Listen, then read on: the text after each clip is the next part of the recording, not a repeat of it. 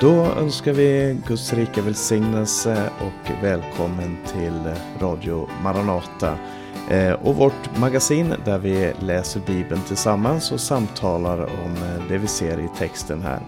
Och vi som samtalar idag, vi är som eh, varje vecka de här gångerna Hans Lindelöf och Berno Widén som är i Sverige och jag Paulus Eliasson som är i Norge. Och eh, vi samtalar om eh, patriarkerna, de bibliska patriarkerna Abraham, Isak, Jakob och eh, Josef och hans bröder. och vi har kommit fram till det som är nästan, ja det är den avslutande delen i första Mosebok. det, vi kommer inte ta med det sista kapitlet, men kapitel 47, 48 och 49.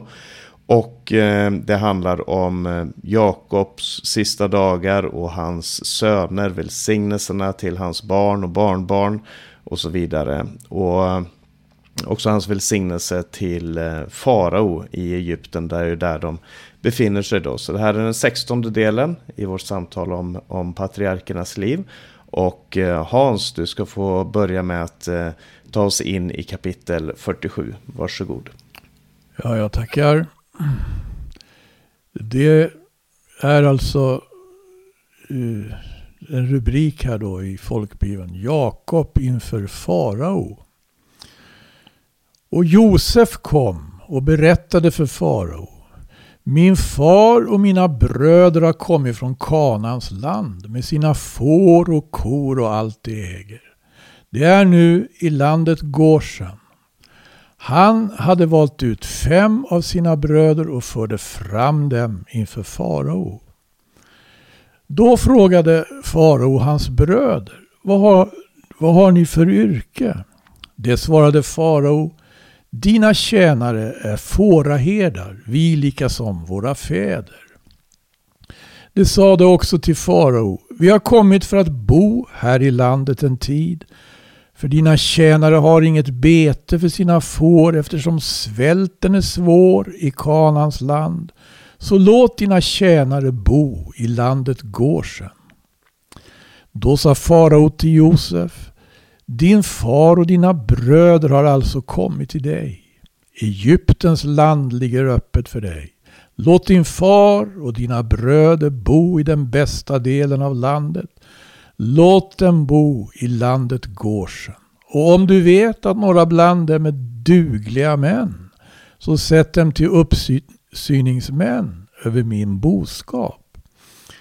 Sedan hämtade Josef sin far Jakob och förde honom fram inför farao och Jakob hälsade farao.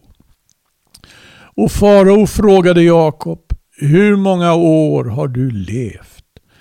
Jakob svarade farao, min vandringstid har varat i 130 år. Få och svåra har mina levnadsår varit. Det når inte upp till mina förfäders levnadsår under deras vandringstid. Och Jakob välsignade farao och gick ut från honom. Josef lät sin far och sina bröder bo i Egyptens land och gav dem egendom i den bästa delen av landet i Ramses område som farao befallt. Josef försörjde sin far och sina bröder och hela sin fars hus och gav var och en underhåll efter antalet barn. Och nästa stycke, eller ja, det har en rubrik här, Svältens följder för egyptierna. Men det fanns inget bröd någonstans i landet eftersom svälten var mycket svår och både Egypten och Kanans land var svaga av hunger. För den säd som folket köpte samlade Josef alla pengar som fanns i Egypten och Kanan och förde dem in i faraos palats. Men när pengarna tog slut i Egypten och Kanaan kom alla egyptier till Josef och sa Ge oss bröd. Varför skulle vi dö här framför ögonen på dig? Vi har inga pengar kvar. Josef svarade För hit er boskap så ska jag ge er bröd för, bos för boskapen om era pengar är slut. Då kom de med sin boskap till Josef och han gav dem bröd i utbyte mot deras hästar, får, kor och åsnor. På så sätt underhöll han dem det året och gav dem bröd i utbyte mot all deras boskap. Så tog det året slut, men året därpå kom de tillbaka till honom och sa Vi kan inte dölja det för min herre. Pengarna är slut och boskapen vi ägde tillhör min herre. Vi har inget annat kvar än våra kroppar och vår jord. Varför skulle vi dö här framför dig, vi och vår åkerjord? Köp oss och vår jord. Köp oss och vår jord för bröd, så ska vi, så ska vi med vår jord bli faraos slavar. Ge oss bara utsäde så att vi får leva och inte dör och åkerjorden inte läggs öde. Då köpte Josef all jord i Egypten åt farao. Alla egyptierna sålde sina åkrar eftersom svälten var så svår och åkerjorden blev faraos egendom. Folket flyttade han till städerna, från ena ändan av Egypten till den andra. Men prästernas jord köpte han inte eftersom prästerna hade sitt bestämda underhåll av farao och levde av det som farao gav dem. Därför behövde de inte sälja sin jord. Och Josef sa till folket Nu har jag köpt er och er jord åt farao. Här har ni utsäde så att ni kan beså jorden. När skörden kommer in ska ni ge en femtedel åt farao, men fyra femtedelar ska ni själva ha till utsäde. Och till mat åt er och ert husfolk och era små barn. Det svarade, du har räddat våra liv, Herre. Låt oss finna nåd för dina ögon, så ska vi vara faraos slavar. Josef gjorde det till en lag som gäller än idag för Egyptens jord, att femtedelen av skörden ska ges åt farao. Det var bara prästernas jord som inte blev faraos egendom. Så bodde Israel i landet Goshen i Egypten. De skaffade sig ägodelar och var fruktsamma och förökade sig mycket. Sista stycket här är Jakobs sista önskan. Jakob levde 17 år i Egypten och han blev 147 år gammal. 147 år blev Jakob i kapitel 47 i första Mosebok. När tiden närmade sig att Israel skulle dö kallade han till sig sin son Josef och sa till honom om jag har funnit nåd för dina ögon så lägg din hand under min höft och lova att visa mig kärlek och trofasthet så att du inte begraver mig i Egypten när jag gått till vila hos mina fäder.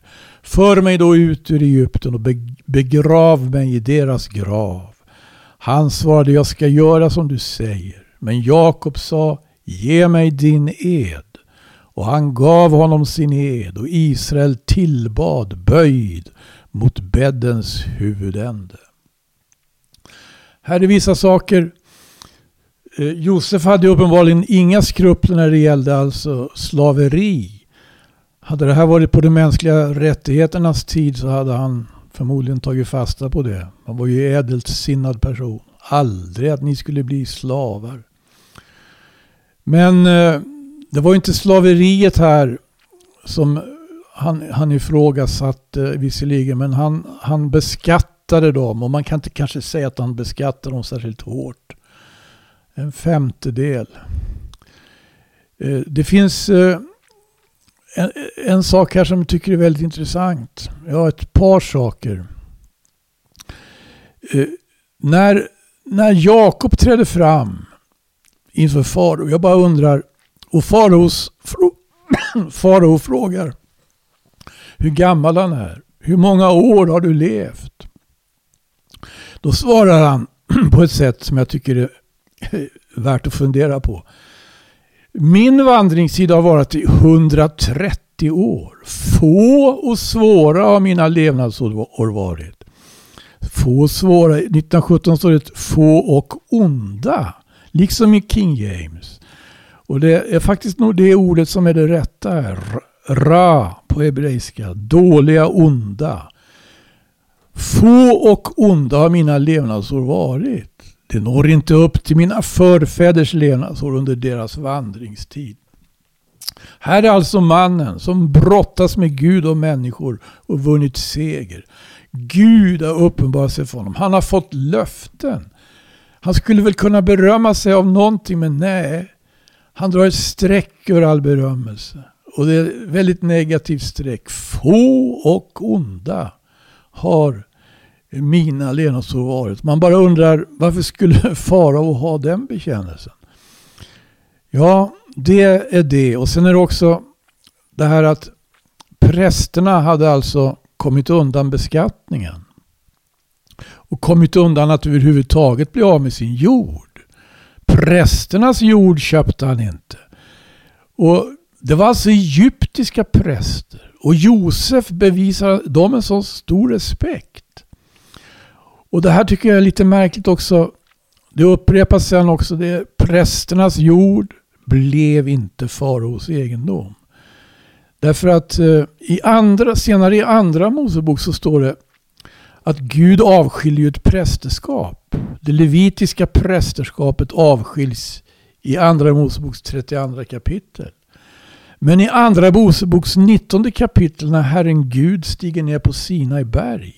Då hör det till att han eh, varnar och säger eh, det står i Andra Moseboks 19 kapitel, vers 20 och, och framåt där. Herren steg ner på sina berg, på toppen av berget. Herren sa till Mose, stig ner och varna folket så att det inte tränger sig fram för att se Herren. För då ska många av dem falla. Jämväl prästerna som får nalkas Herren ska helga sig för att Herren inte må låta dem drabbas av fördärv. Jag kan inte fatta annat. Eftersom inget prästadöme fanns egentligen formellt sett. Mose hade inte stadgat om präster förrän senare. Så var tydligen en, en del hebreer egyptiska präster. Och även här är det ju märkligt då vilken respekt som bevisas dem.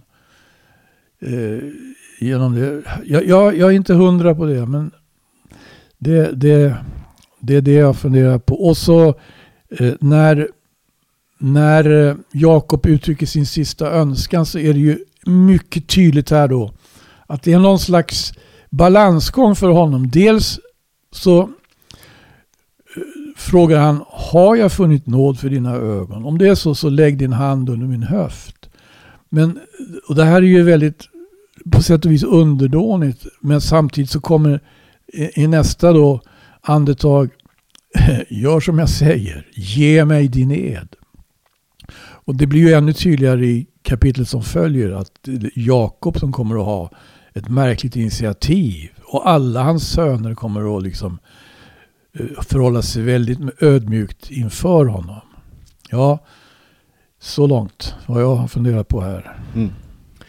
Ja, det, det, finns ju väldigt intressanta saker som, som händer i det här kapitlet som du nämner här också. Jag, jag tänker på det som som står i, i början av texten här när eh, Jakob möter farao. Så farao, om man, om man läser historien så blev ju han betraktad som en, en gud. Under större delen av, av den egyptiska historien så betraktades han som en, eh, ja, som en, en av gudarna. Och eh, därför är det ju intressant att han, att han eh, välsignar eh, farao han, han vänder sig till honom med välsignelsen därför att det vanliga är ju att man vänder sig till sin Gud för välsignelse. Man kommer till inför sin Gud och så ber man om att få välsignelse. Eh, det är vanligtvis ingenting som, som människor har utan, utan det här går från den, ska vi säga, den högre instansen till den lägre instansen. Den högre instansen har en välsignelse och den lägre instansen får den välsignelsen. Eh, den som inte är välsignad. Men två gånger i den här texten faktiskt, i, i den här översättningen så, så står det först att Jakob hälsade farao när han fördes fram inför honom och sen i vers 10 står det att Jakob välsignade farao. Men på hebreiska så är det samma ord eh, båda gångerna. Eh, det här barak som, som handlar om att, att välsigna någon, säga goda ord. Och eh, så det är intressant att, att Jakob ser på sig själv som bärare av en välsignelse som farao behöver. Och som han generöst kan ge också till farao. Han som hade själv fått uppleva att det, det, han var tvungen att stjäla välsignelsen från sin bror. Eh, och, och, lura till sig förstfödslorätten och, och man kan ju diskutera hur det var med det men, men i alla fall lura till sig välsignelsen. Men här har han som då står inför det som i det här landet anses som en gud står och säger väls jag välsignar dig. Och man kan ju absolut säga att, att eh, det finns många exempel i Bibeln på att man välsignar Gud. Att eh, I psalmerna så står det, det, ofta det som vi har översatt med jag prisar dig använder det här ordet barak igen. Alltså att välsigna någon. Eh, bara tänkte på det, det, det är intressant det där att han, att han har en välsignelse till farao. Och sen i slutet av det här kapitlet där du nämnde här om, om jag har funnit nåd för dina ögon, det är ett väldigt vanligt uttryck i Bibeln. Och sen så säger han, visa mig kärlek och trofasthet. Och eh, jag har ju kommit tillbaka till det här ordet många, många gånger. Men de orden som han använder här, det är alltså chesed och emet. Chesed som betyder en lojal, trofast kärlek som man har till någon som man är i släkt med eller i förbund med. Eh, och emet som, som är det, det, som vi har i amen till exempel. Till exempel eh, som, som handlar om san, sanning och, och att vara, eh, att vara att lita på helt enkelt. Så, så han, han åberopar Josefs Chesed och Emet när han, när han ber honom om att få eh, inte bli begraven i Egypten och det blir han ju heller inte här. Eh, men jag ska överlämna ordet till dig Berno här också. Du ska få dela dina tankar om, om det som Hans har läst här. Varsågod. Ja, tack. Eh, något som eh, slår mig när jag läser eh, om Josef, det, det är just hans trohet. I alla situationer så han består eh, provet verkligen. Även i motgång. Det såg man ju under hans tid i fängelset. Han, eh, han eh, fick en position där också på grund av sin person, på grund av hans ärlig, sin ärlighet och hur han tjänade, organiserade. Hos Potifar kan man läsa, han blev satt över hela hans hus. Och eh, i det här kapitlet så eh, framgår det tydligt hur alla Egyptens rikedomar i stort sett. Alla intäkter gick genom Josefs händer. Och han förde in det i faraos palats.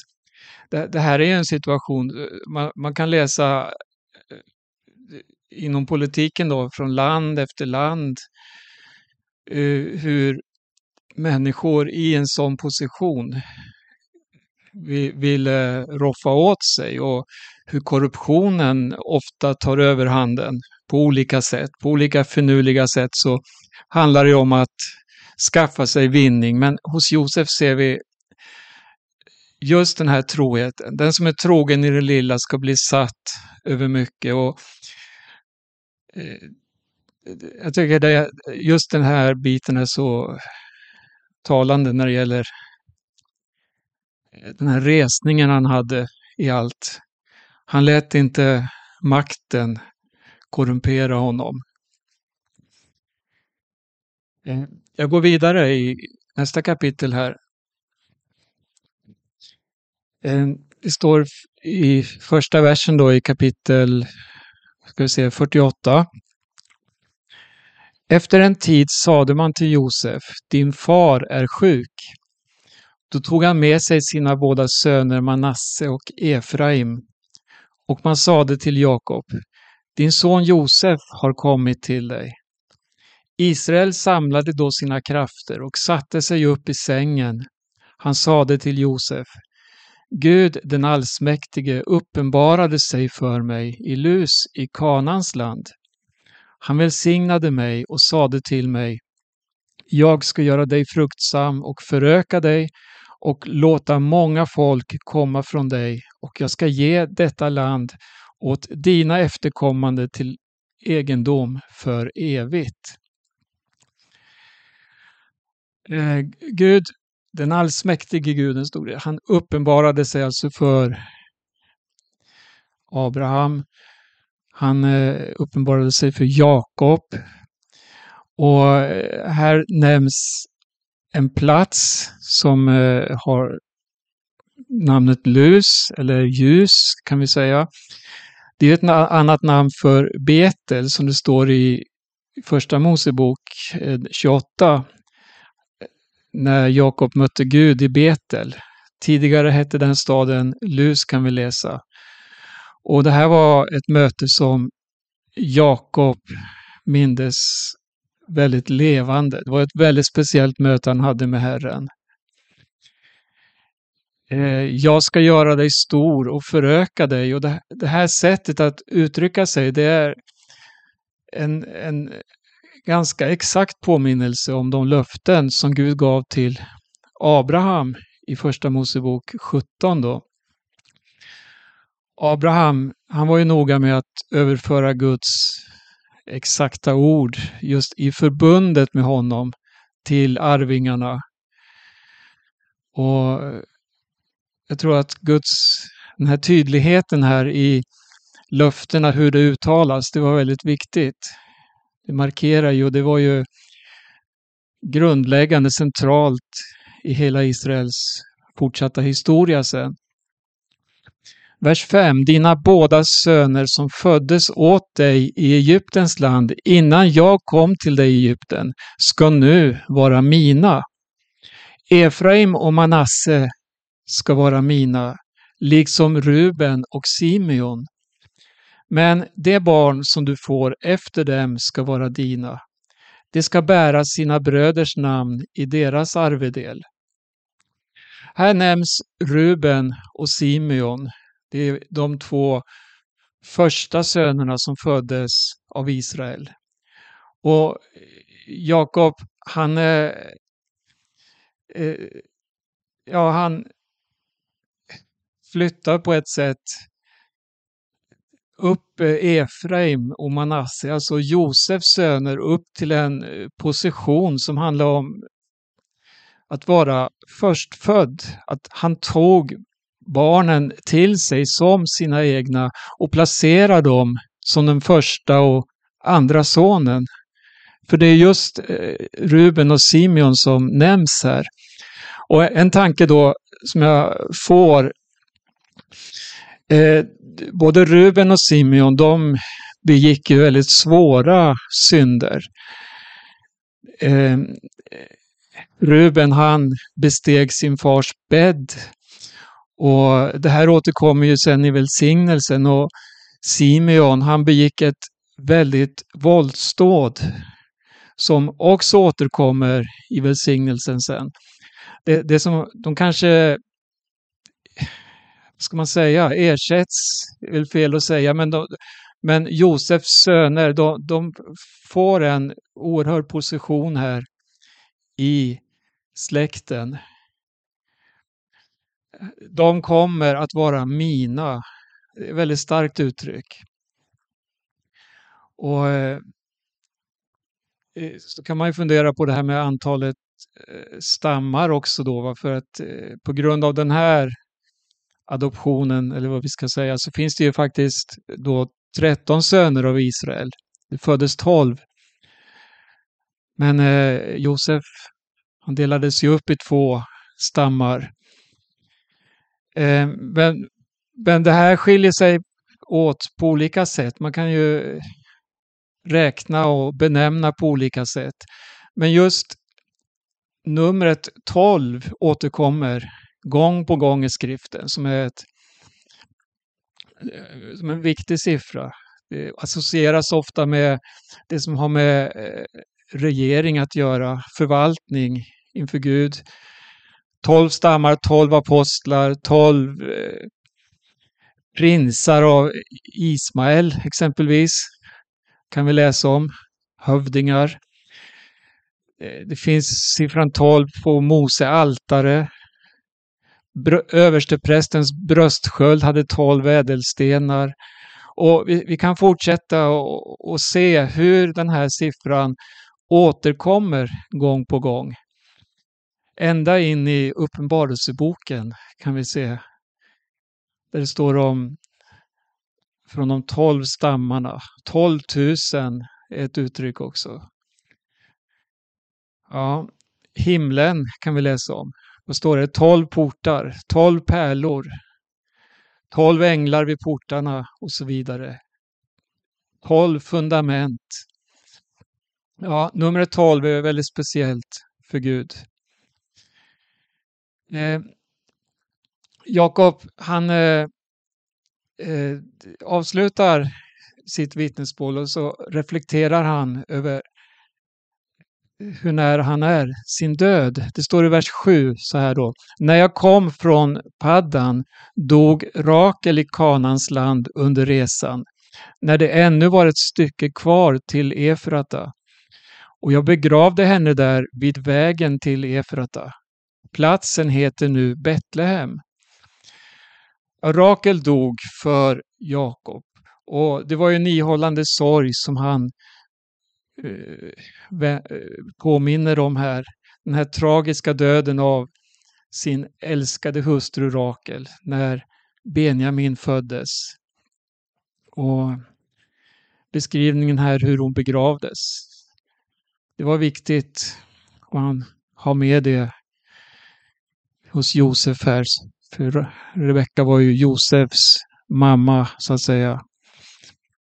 Vers 8. När Israel fick se Josefs söner frågade han, vilka är dessa? Josef svarade sin far, det är mina söner som Gud har gett mig här. Då sade han, ta hit dem till mig så att jag får välsigna dem. Israels ögon var svaga av ålder så att han inte kunde se. Josef förde fram dem till honom och han kysste dem och tog dem i sin famn. Och Israel sade till Josef, jag trodde inte att jag skulle få se ditt ansikte, men nu har Gud till och med låtit mig se dina barn. Och Josef tog dem från hans knä och bugade sig till jorden. Det är mina söner, sa Jakob, de som Gud har gett mig här. Namnen eh, på Josefs söner, det var ju Manasse, alltså den förstfödde, och Efraim. Manasses namn betyder glömska och Efraims namn har med fruktbarhet att göra. Eh, och det här har ju sin förklaring tidigare varför Josef gav just de här namnen. Han ville glömma den, eller all olycka som hade drabbat honom och hela hans fars hus som det står om. Men så fick vi Efraim också som har Eh, det här med fruktsamhet att göra. Gud har gjort mig fruktsam i mitt lidandes land. Eh, han böjde sig med ansiktet mot jorden. Josef levde ju som en hög tjänsteman i Egypten under många år. Och eh, hade ingen kontakt med sin far och sin släkt under den här tiden. Men trots sin position och allt så ser man att hans respekt för fader Jakob hade inte minskat på något sätt. Vers 13. Sedan tog Josef den båda i handen, Efraim i sin högra hand till vänster framför Israel och Manasse i sin vänstra hand till höger framför Israel och förde fram dem till honom. Men Israel räckte ut sin högra hand och lade den på Efraims huvud, trots att han var den yngre, och sin vänstra hand på Manasses huvud, trots att Manasse var den förstfödde. Han lade händerna i kors. I Bibeln så antyder ju höger hand alltid en eh, privilegierad position. Och höger hand, det är handen för styrka, förmåga och den associeras vid flera bibelställen då med Guds styrka, som det står, din högra hand, Herre, är härlig i sin kraft. Din högra hand, Herre, krossade fienden. Ehm, den talar om Herrens ljuvlighet. Av ljuvlighet på din högra sida för evigt, står det i en psalm, psalm 16.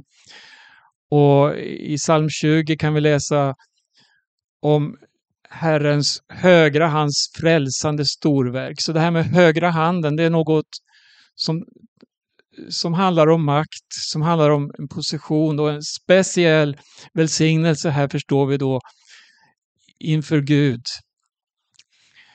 Och eh, det står ju om Människosonen också att han ska sitta på maktens högra sida. Jakob placerade sina händer på det här sättet med avsikt. Han visste precis vad han var på väg att göra och han valde medvetet den andra sonen att få en större välsignelse då än den förstfödde.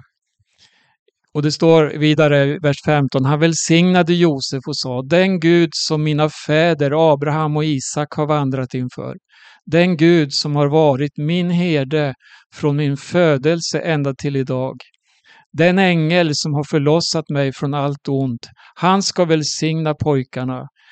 Det ska uppkallas efter mitt namn och mina fäder Abrahams och Isaks namn och det ska föröka sig och bli många på jorden. Israel gav välsignelsen med en djup medvetenhet om förbundet och som kom från Guds löfte till hans farfar Abraham och hans far Isak. Och han gav eh, samma välsignelse till båda sönerna här, hör vi. Men sonen som då hade hans högra hand fick ju då en större andel av välsignelsen. Och det här med att han välsignade hans söner, alltså Josefs söner, det, det är också värt en, en eh, reflektion. Eh, det här med hur välsignelsen går vidare in i nästa generation. Det finns väl ingen större nåd över oss än att se just att våra barn blir välsignade av Herren. Och det finns inget större att, än att se hur barn, barnbarn och så vidare eh, för oss då blir välsignade av Herren. Äger en gudstro, har en gudsrelation och så vidare. Ehm, båda stammarna, eh, jag tänker på Efraim, han blev ju en stamfader och även Manasse då, men båda välsignades, även om det visar sig på olika sätt här hur det fördelades och hur framtiden sen skulle se ut. Eh, Jakob, han, han sa den Gud som har tagit hand om mig från den stunden jag blev till nu. Alltså Jakobs vittnesbörd var ett vittnesbörd om nåd och ingenting om personlig förtjänst. Han sa inte hur trogen han hade varit mot Gud. Det skulle aldrig hålla. Utan han överlämnade till Gud. Han visade hela tiden på hur trogen Gud genom allt hade varit mot honom. Och den Gud som håller mig, det är ju bokstavligen Eh, ett ord som handlar om att ha en herde. Och jag tror det här är det första omnämnandet i Bibeln där Gud presenteras som en herde för sitt folk.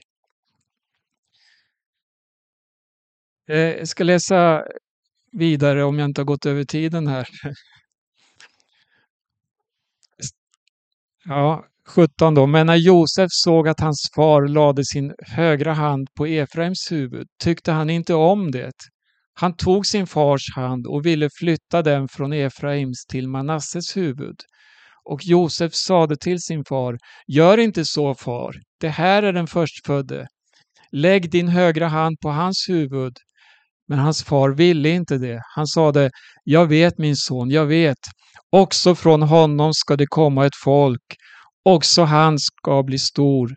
Men hans yngre bror ska ändå bli större än han och flera folk ska härstamma från honom.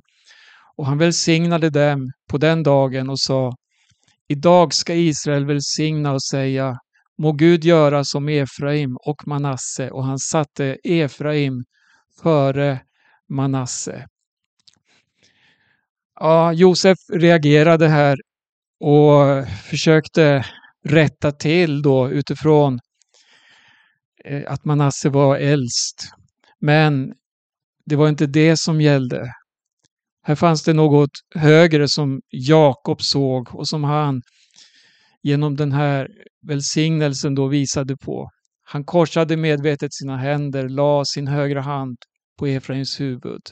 Han, eh, Eh, Manasse var den förstfödde men hans yngre bror skulle bli större. Gud hade valt honom för att inta den position som en förstfödde. Och det här är också något som återkommer på flera eh, ställen i skriften.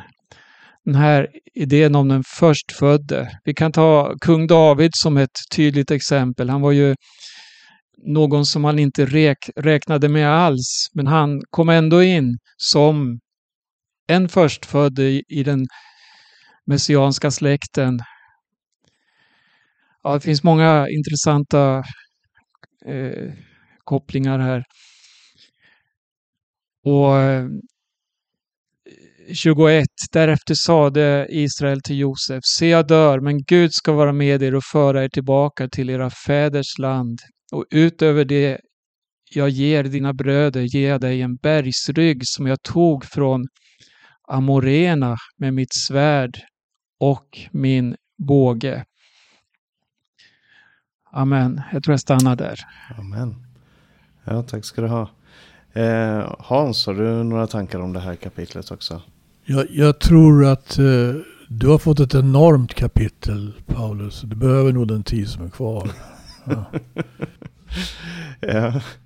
Ja, nej, men jag ska säga någonting om det här kapitlet också. Jag, jag tycker det är så stort det här. Där han, bara, bara, en sak som han säger, för att det är ju helt klart att han är en väldigt, väldigt gammal man.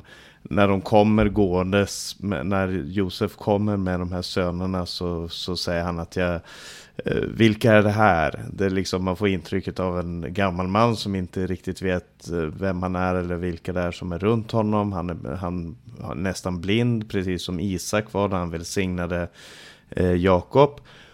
Men, men eh, någonting händer här där, där Jakob har en mycket större insikt. För att när Josef försöker få honom att byta position på händerna så säger han Jag vet min son, jag vet.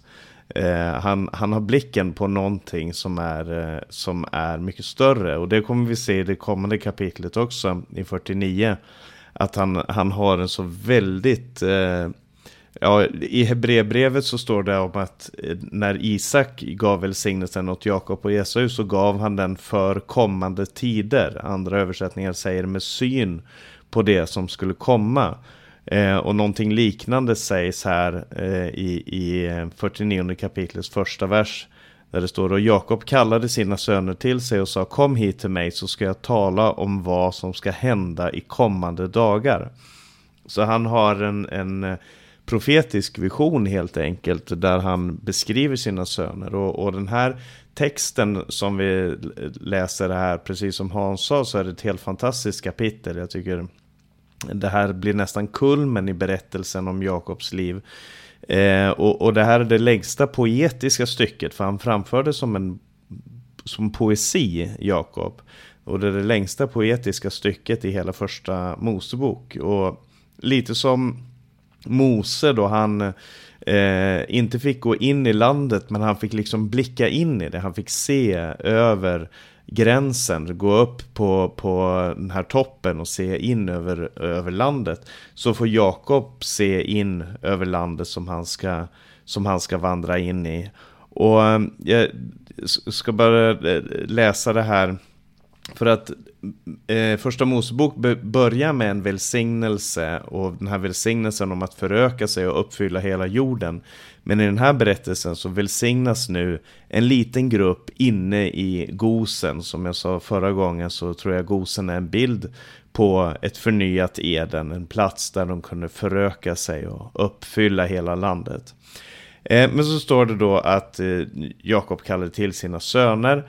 Eh, och så säger han så här, samla er och lyssna ni Jakobs söner, hör på Israel er far.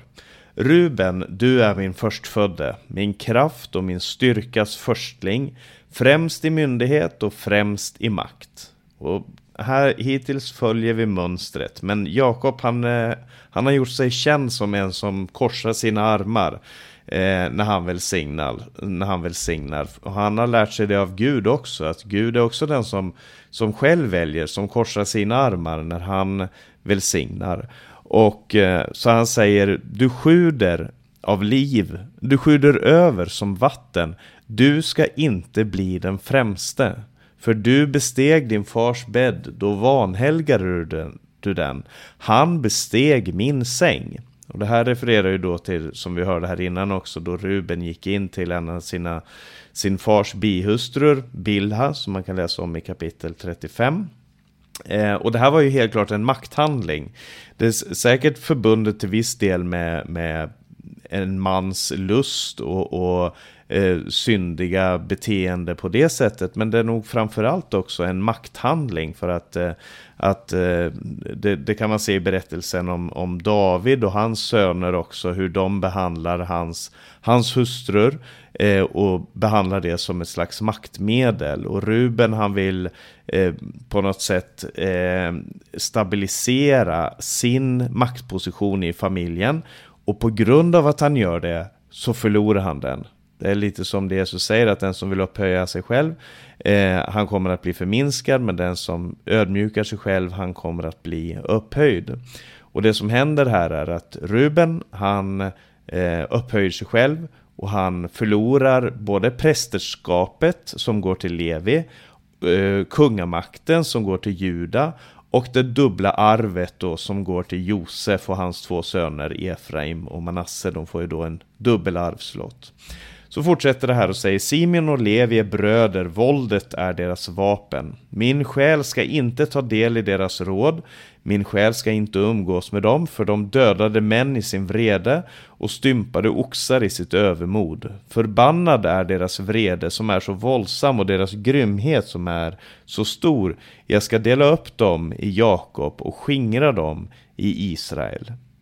Och det här refererar ju då till det som hände med i berättelsen om Dina och hur eh, Simeon och Levi hade en så framträdande roll i det våldsamma som hände där. Och han säger här att det här kommer inte gå omärkt hädan utan ni kommer att förskingras i landet. Och Levi som ju då får nåd att bli eh, prästerskapet, det aronitiska prästerskapet, får ändå ingen eh, lott som de andra i landet utan eh, får ju vissa städer som man eh, spridda runt omkring i landet men man blir inte en samlad stam. Och Simeon eh, är också till viss del uppdelad eh, och till viss del så befinner de sig nere i Berseba-öknen runt omkring eh, staden Beersheba. Så Simeon förlorar ju mycket på grund av sin våldsamhet. Och Bibeln säger det, saliga är de saktmodiga för de ska ärva jorden. Och då kan man ju tycka kanske att det är märkligt att Juda är den som nämns efteråt här. Det står Juda, dig ska dina bröder prisa. Din hand ska gripa fienders nacke, din fars söner ska buga sig för dig. Ett ungt lejon är Juda. Du reser dig från rivet byte min son, han böjer sig, han lägger sig som ett lejon, som en lejonhona. Vem vågar väcka honom? Spiran ska inte vika från Juda, inte härskarstaven från hans fötter, förrän han som den tillhör kommer och folken lyder honom. Han binder sin ungåsna vid vinstocken, sitt åsneföl vid den ädla rankan. Han tvättar sina kläder i vin, sin mantel i druvors blod. Hans ögon är dunkla av vin, hans tänder vita av mjölk. Och varför får judar den här positionen? Han säger dig ska dina bröder prisa. Och jag, jag tror att det handlar om Judas val att ödmjuka sig inför Josef innan han visste att det var Josef, det som vi läste för några kapitel sedan. Där han ödmjukar sig och säger ta mitt liv istället för Benjamins. Ta mig, jag, jag ger mitt liv till dig, behandla mig som en slav, låt mig få vara en slav. Men jag kan inte komma tillbaka till min far med mitt eget liv räddat, men med Benjamins liv förstört. Eh, det, det går inte, Jakob kommer inte klara det, jag klarar det inte, vi klarar det inte. Och jag tror att den ödmjuka handlingen och den förändringen i Judas attityd är den som gör att Jakob kan ge honom den här välsignelsen. Han kunde inte ge den till Ruben på grund av hans maktspel. Han kunde inte ge den till Simeon och Levi på grund av deras, eh, på grund av deras eh, eh, våldsamhet. Och, men han kunde ge den till Juda för att där hade det faktiskt skett en förändring. Han var beredd att ge sitt eget liv för sin bror.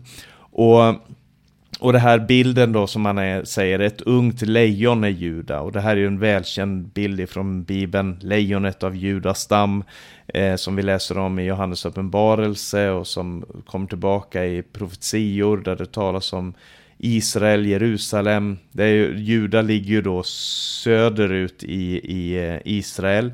Eh, precis söder om Jerusalem. Jag tror att, jag det är inte säker på om det är Benjamin eller eh, Judas som har Jerusalem, men det ligger precis i det där området där. Och eh, han får ju de här profetiorna och, och här ser vi väldigt mycket av det messianska. Hur han griper tag i profetian som gavs till Adam och Eva och så säger han att det är från Juda som den här härskarstaven ska komma. Han som den tillhör. Härskarstaven ska inte vika ifrån honom förrän han som den tillhör kommer och folken alla folken, de som vi läste om, nu läser vi väl inte vi om dem, men det som var innan den första episoden, första programmet vi hade om patriarkernas liv, nämligen första Mosebok kapitel 10 och 11, där talas det om alla de här folken som eh, förskingrades över hela jorden. Och eh, folken ska lyda honom, står det. Det ska komma en kung, en härskare ifrån Juda och folken ska lyda honom. Han binder sin ungåsna vid vinstocken, sin åsne, sitt åsneföl vid den ädla rankan. Han tvättar sina kläder i vin, sin mantel i druvors blod jag ska inte säga för mycket, men jag lägger märke till att i Johannes uppenbarelse så står det om han som kommer ridande på den, på den vita hästen. Han som heter trofast och sann. Eh, och som, som har sin mantel redan doppad i blod. Han kommer från ett annat slagfält och har redan vunnit seger. Jag, det finns många paralleller här. Hans ögon är dunkla av vin, hans tänder vita av mjölk. Det här är både poetiskt, profetiskt, det, är, det är, Det ligger så många lager i det som berättas här. Så det är från Juda som då kungamakten kommer. Vi kan följa den här historien. Vi kan läsa om, om eh, Rut eh, och Boas. Vi kan läsa om eh, vidare om Boas. Ifrån Boas så kommer Jesse. Jesse som, eller Isai som har alla de här sönerna. Och en av dem, den yngsta, är kung David. Och han får då ta över kungamakten ifrån Benjamin. Men den, vi har flera namn här. Det är Sebulon står det, ska bo vid havets strand och bli ett hamn för skepp. Sin sida ska han vända mot Sidon. Och Sebulon, det, eh, han fick sitt område mellan Medelhavet och Genesaret. Det är eh, Sebulons område vid havet. Och Isaskar är en stark åsna som ligger i ro i sitt hägn. Han såg att viloplatsen var god och landet ljuvligt. Då böjde han sin rygg under bördor och blev en arbetspliktig slav. Och Isaskar eh, har ett väldigt bördigt område i Jerusalem. Inte så stort område, men ett väldigt, väldigt bördigt område eh, som var känt för sina vinodlingar. Och eh, var en arbetande stam helt enkelt. Eh, Dan ska skaffa rätt åt sitt folk som en av Israels stammar. Dan ska vara en orm på vägen, en huggorm på stigen som biter hästen i foten så att ryttaren faller baklänges. Herre, jag väntar på din frälsning. Och eh, från Dans stam så kom det en del domare. Jag tror att Simson bland annat var ifrån Dans stam. Eh, men Dan var också den som förledde Israels folk till avgudadyrkan. Så att han beskrivs som en orm, en huggorm som biter hästen i foten, det, det har nog sin betydelse det också. Så kommer Gad, Gad ska trängas av skaror och själv tränga dem in på hälarna. Gad eh, eh är en stam på andra sidan av Jordan, i gränslandet mot Ammon. Så han var i många krig och konflikter, den stammen då. Från Asher kommer Utsöt utsökta rätter. Han ska bjuda på kungliga lä läckerheter och arser, han höll sig också i närheten där runt Sebulon vid de väldigt frodiga markerna, landet runt Karmel som var en väldigt fruktbar jord. Så står det Naftali är en frisläppt hind som talar vackra ord. Och Sebulon och Naftali det är ju området som vi på, i Nya Testamentet kallas för Galileen. Eh, det är det området som Jesaja profeterade om då han sa att det ska inte för alltid vara natt över Sebulon och Naftalis land. Eh, utan därifrån ska frälsaren komma, han som är underbar i råd, väldig Gud, evig fader och fridsfurste. Eh, så Naftali är en frisläppt hind. Lägg märke till psalm 22 som kallas för, som är skriven till, till morgonrodnadens hind. Eh, om, som handlar om den lidande Messias. Eh, så kommer Josef. Josef är ett ungt fruktträd, ett ungt fruktträd vid källan. Grenarna når upp över muren. Bågskyttar oroar honom. De skjuter mot honom och ansätter honom. Men hans båge förblir fast och hans händer och armar spänstiga genom Jakobs mäktige, genom herden, Israels klippa. Genom din fars Gud som ska hjälpa dig genom den allsmäktige som ska välsigna dig med välsignelser från himlen där ovan, välsignelser från djupet som ruvar där nere, välsignelser från bröst och moderliv. Din fars välsignelser når högt, högre än mina fäders välsignelser, till de eviga höjdernas härlighet. De ska vara över Josefs huvud, över gässan på försten bland sina bröder. Josef han får den längsta välsignelsen och, och, inte bara får han den längsta välsignelsen men han får den mest tydliga välsignelsen. Det står välsignelse och välsigna sex gånger i den här texten. Eh, och han säger att den välsignelse som jag ger dig den är större än den välsignelse som jag själv fick. Eh, han använder bild som vi finner igen i psalm, den första salmen om fruktträdet vid källan. Han ska ha många motståndare men han ska vinna seger och han får mycket välsignelse och det här är då Efraim och Manasse. Eh, så till slut står det Benjamin är en glupsk varg. På morgonen äter han sitt rov, på kvällen fördelar han bytet. Och Benjamin var också en av dessa väldigt kri krigande eh, stammarna. Och en av de två stammarna som förblev i landet då assyrierna kom och tog bort tog de tio stammarna i fångenskap så var det Benjamin och Juda som var kvar. Och kung Saul var en benjaminit och även eh, den nya testamentets eh, Saul eller Saulus eller Paulus, han var också benjaminit säger Bibeln. Eh, och så de sista verserna som jag ska ta med till sist här. Sen befallde han dem och sa, jag ska nu samlas till mitt folk, begrav mig hos mina fäder i grottan på hetiten Efrons mark, i grottan vid fältet i Makpela, mittemot Mamre i Kanans land, den som Abraham köpte till gravplats av hetiten Efron. Där begravdes Abraham och hans hustru Sara, där begravdes Isak och hans hustru Rebecka, och där har jag själv begravt Lea i grottan på marken som köptes av hetiterna. När Jakob hade gett sina söner dessa befallningar drog han upp fötterna i sängen och han gav upp andan och samlade till, samlades till sitt folk. Här är Jakob med en blick mot det kommande. Jag tror inte jag ska säga något mer om det, tiden har gått här. Men eh, Hans, du kanske har några avslutande tankar om det som vi har läst här? Ja, det är, det är ju uppenbart att eh, de största, mest omfattande här välsignelserna får ju Juda och, eh, och Josef. Och jag är lite jag funderar, funderar när jag läser, vad, vad, är det som sker i, under historiens gång? Man kan ju nästan fundera på om det inte finns någon konkurrens här om att vara, att vara den kommande Messias eh, föregångare. I viss mån är de ju det båda. Men Juda kommer ju så småningom onekligen att bli mer, göra sig mer gällande som ledande. I 78 salmen så står det ju att Efraim eh, i nionde versen. Efraims söner beväpnade bågskyttar vände på stridens dag. De höll inte Guds förbund men vägrade följa hans lag. Och i slutet av samma psalm så kan vi läsa när Herren så att säga vaknar ur sin sömn i 63 versen som en hjälte bedövad av vin och slår tillbaka sina fiender och förkastar Josefs hydda och utväljer inte Efraims stam. Men Judas stam utvalde han, Sions berg som han älskar. Det, det sker någonting under historiens gång här. Så att på något sätt får Josef, eller Efraim då, eh, träda tillbaka för Juda och undra på det. Den som kommer att bli vår Herre, han har faktiskt trätt fram ur Judas stam. Jesus, frälsaren. Amen. Berno, har du några avslutande ord också om den här texten?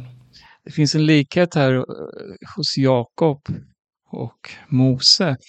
Jag tänker på eh, Jakobs brokiga liv, men hur han här i den här välsignelsen, i de här profetiska orden, han liksom eh, ja, orden är så rika och så välsignade.